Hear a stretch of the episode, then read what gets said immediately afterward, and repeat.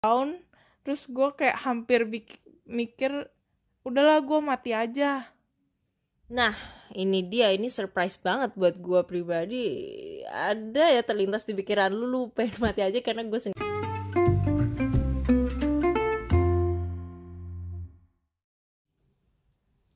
opening kita apa ya?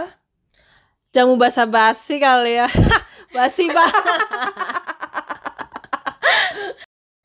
oke langsung aja ya lo ya. Yeah. oke perkenalan nama gue Sylvia foundernya jamu. And gue Laura gue itu co-foundernya. Uh, hari ini kita short brief aja mau ngenalin kalian itu jamu itu apa sih? Sebenarnya kepanjangan dari apa sih gitu kan?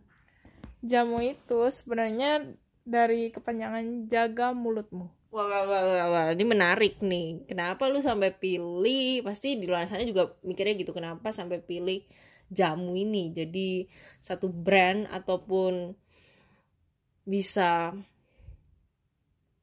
media apa yang lu tawarin di jamu ini? Mereka akan bertanya-tanya pasti kayak gitu. Jadi jamu ini bukan cuma buat orang yang diet, tapi ini buat orang ke semua orang yang mau coba healthy habits.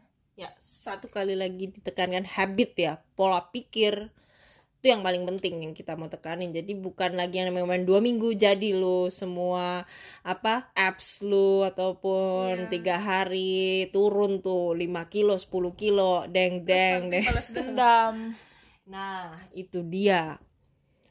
Tapi mereka semua kan belum mengenal kita nih. Sebenarnya kenapa sih ada keresahan apa gitu sampai kita buka si media jamu ini gitu loh.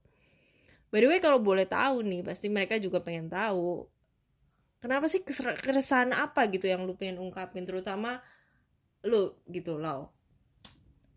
Jadi gue itu bikin jamu itu karena dulu gue sempet gula gue itu tinggi banget kan. Terus gue kaget gitu. Nah terus gue bingung kok gue makannya apa aja. Gue nggak bisa makan apa pun yang kayak berlemak manis gitu. Terus kayak gue mikir nanti gue cuma makan sayur doang nih. Terus habis itu kayak masa seumur hidup gue gue bakal makan gitu-gitu.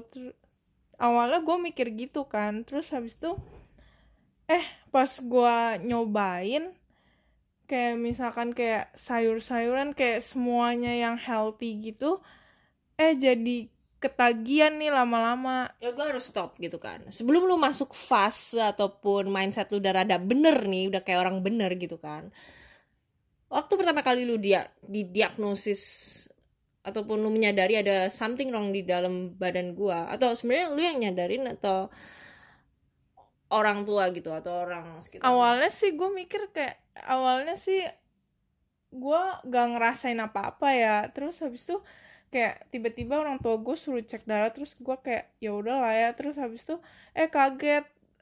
Hasilnya tinggi semua gitu loh HB 1 AC nya gitu. Terus semuanya kayak pada shock. Menarik. Anak umur 17 tahun ini udah mengerti HbA1c gitu kan.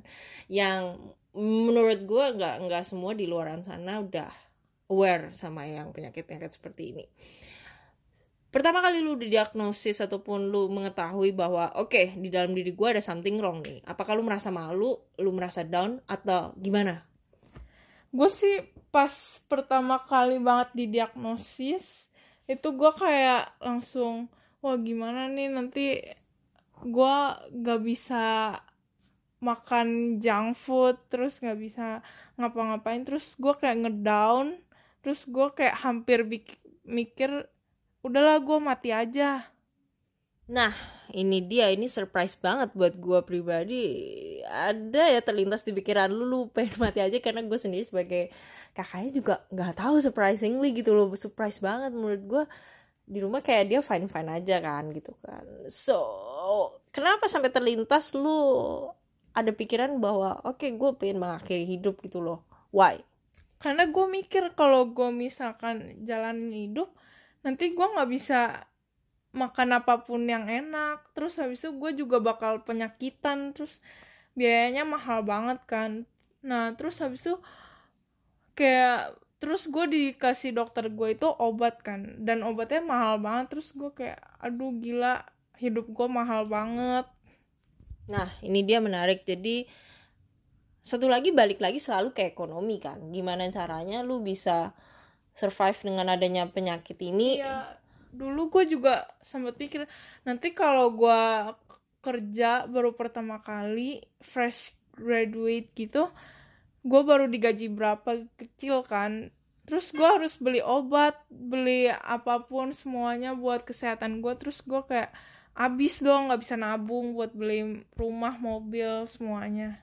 Karena semua obat-obatan lu mahal yang gua tahu Iya. kan. Lu dan dia harus kontrol ke dokter dan itu eh sekarang kita bisa nganggapnya lucu ya. Kita bisa Sedangkan ketawa. teman-teman gue pada hangout ke mall gitu kan nanti teman kerja gue pada ngumpul-ngumpul terus gue sendiri nabung buat kesehatan gue doang Jadi pesan lu apa nih sebenarnya dari jamu ini yang lu mau sampaikan yang yang gua grab kan misalkan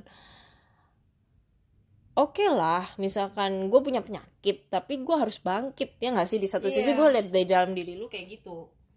Gue sempet mikir kayak masa gue mikir gini terus masa ngedown mulu sih? Terus gue kayak mikir ah ya udahlah gue coba healthy lifestyle gue ubah mindset gue nah terus pada saat gue ubah pas gue tes gula darah gue turun jadi for your information aja ya misalkan di rumah ini kita itu ada satu alat tes dan itu buat tes kolesterol sama gula itu hampir tiap hari mereka lakuin Iya. Gue juga sempet cek darah kan waktu gue diet.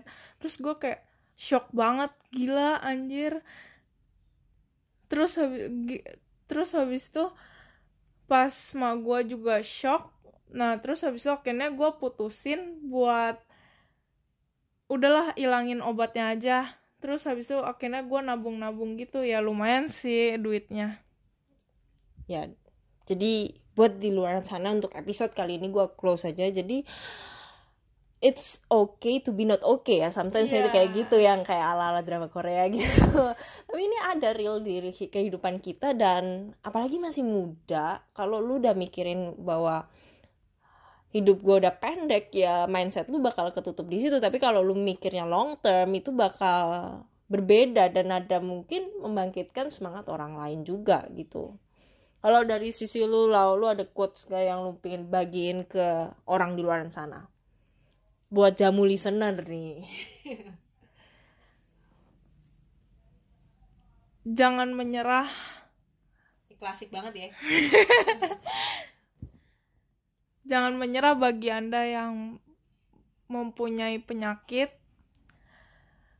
Teruskan healthy habits. Dan bagi orang yang gak punya penyakit mungkin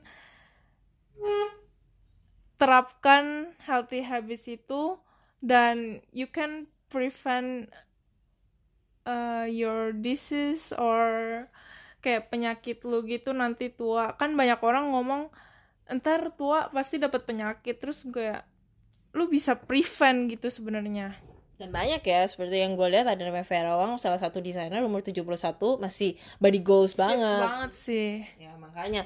Jadi ya satu kali lagi it's okay to be not okay gitu ya nggak Iya, sih? iya, tapi kalau misalkan lu udah oke ya lu harus maintain gitu loh badan Iya, lu jangan dan sampai lu bales dendam lagi gitu lu balas dendam nanti lu biayanya tambah lagi. Dan satu lagi di sini kita bukan memang pengen lakuin achieve body goals atau apa pun Iya. enggak sih? Kita pengen lebih ke arah kita habit. cuma ubah mindset orang-orang aja. Iya. oke udah ya gitu aja ya hari Iya. ini. Oke.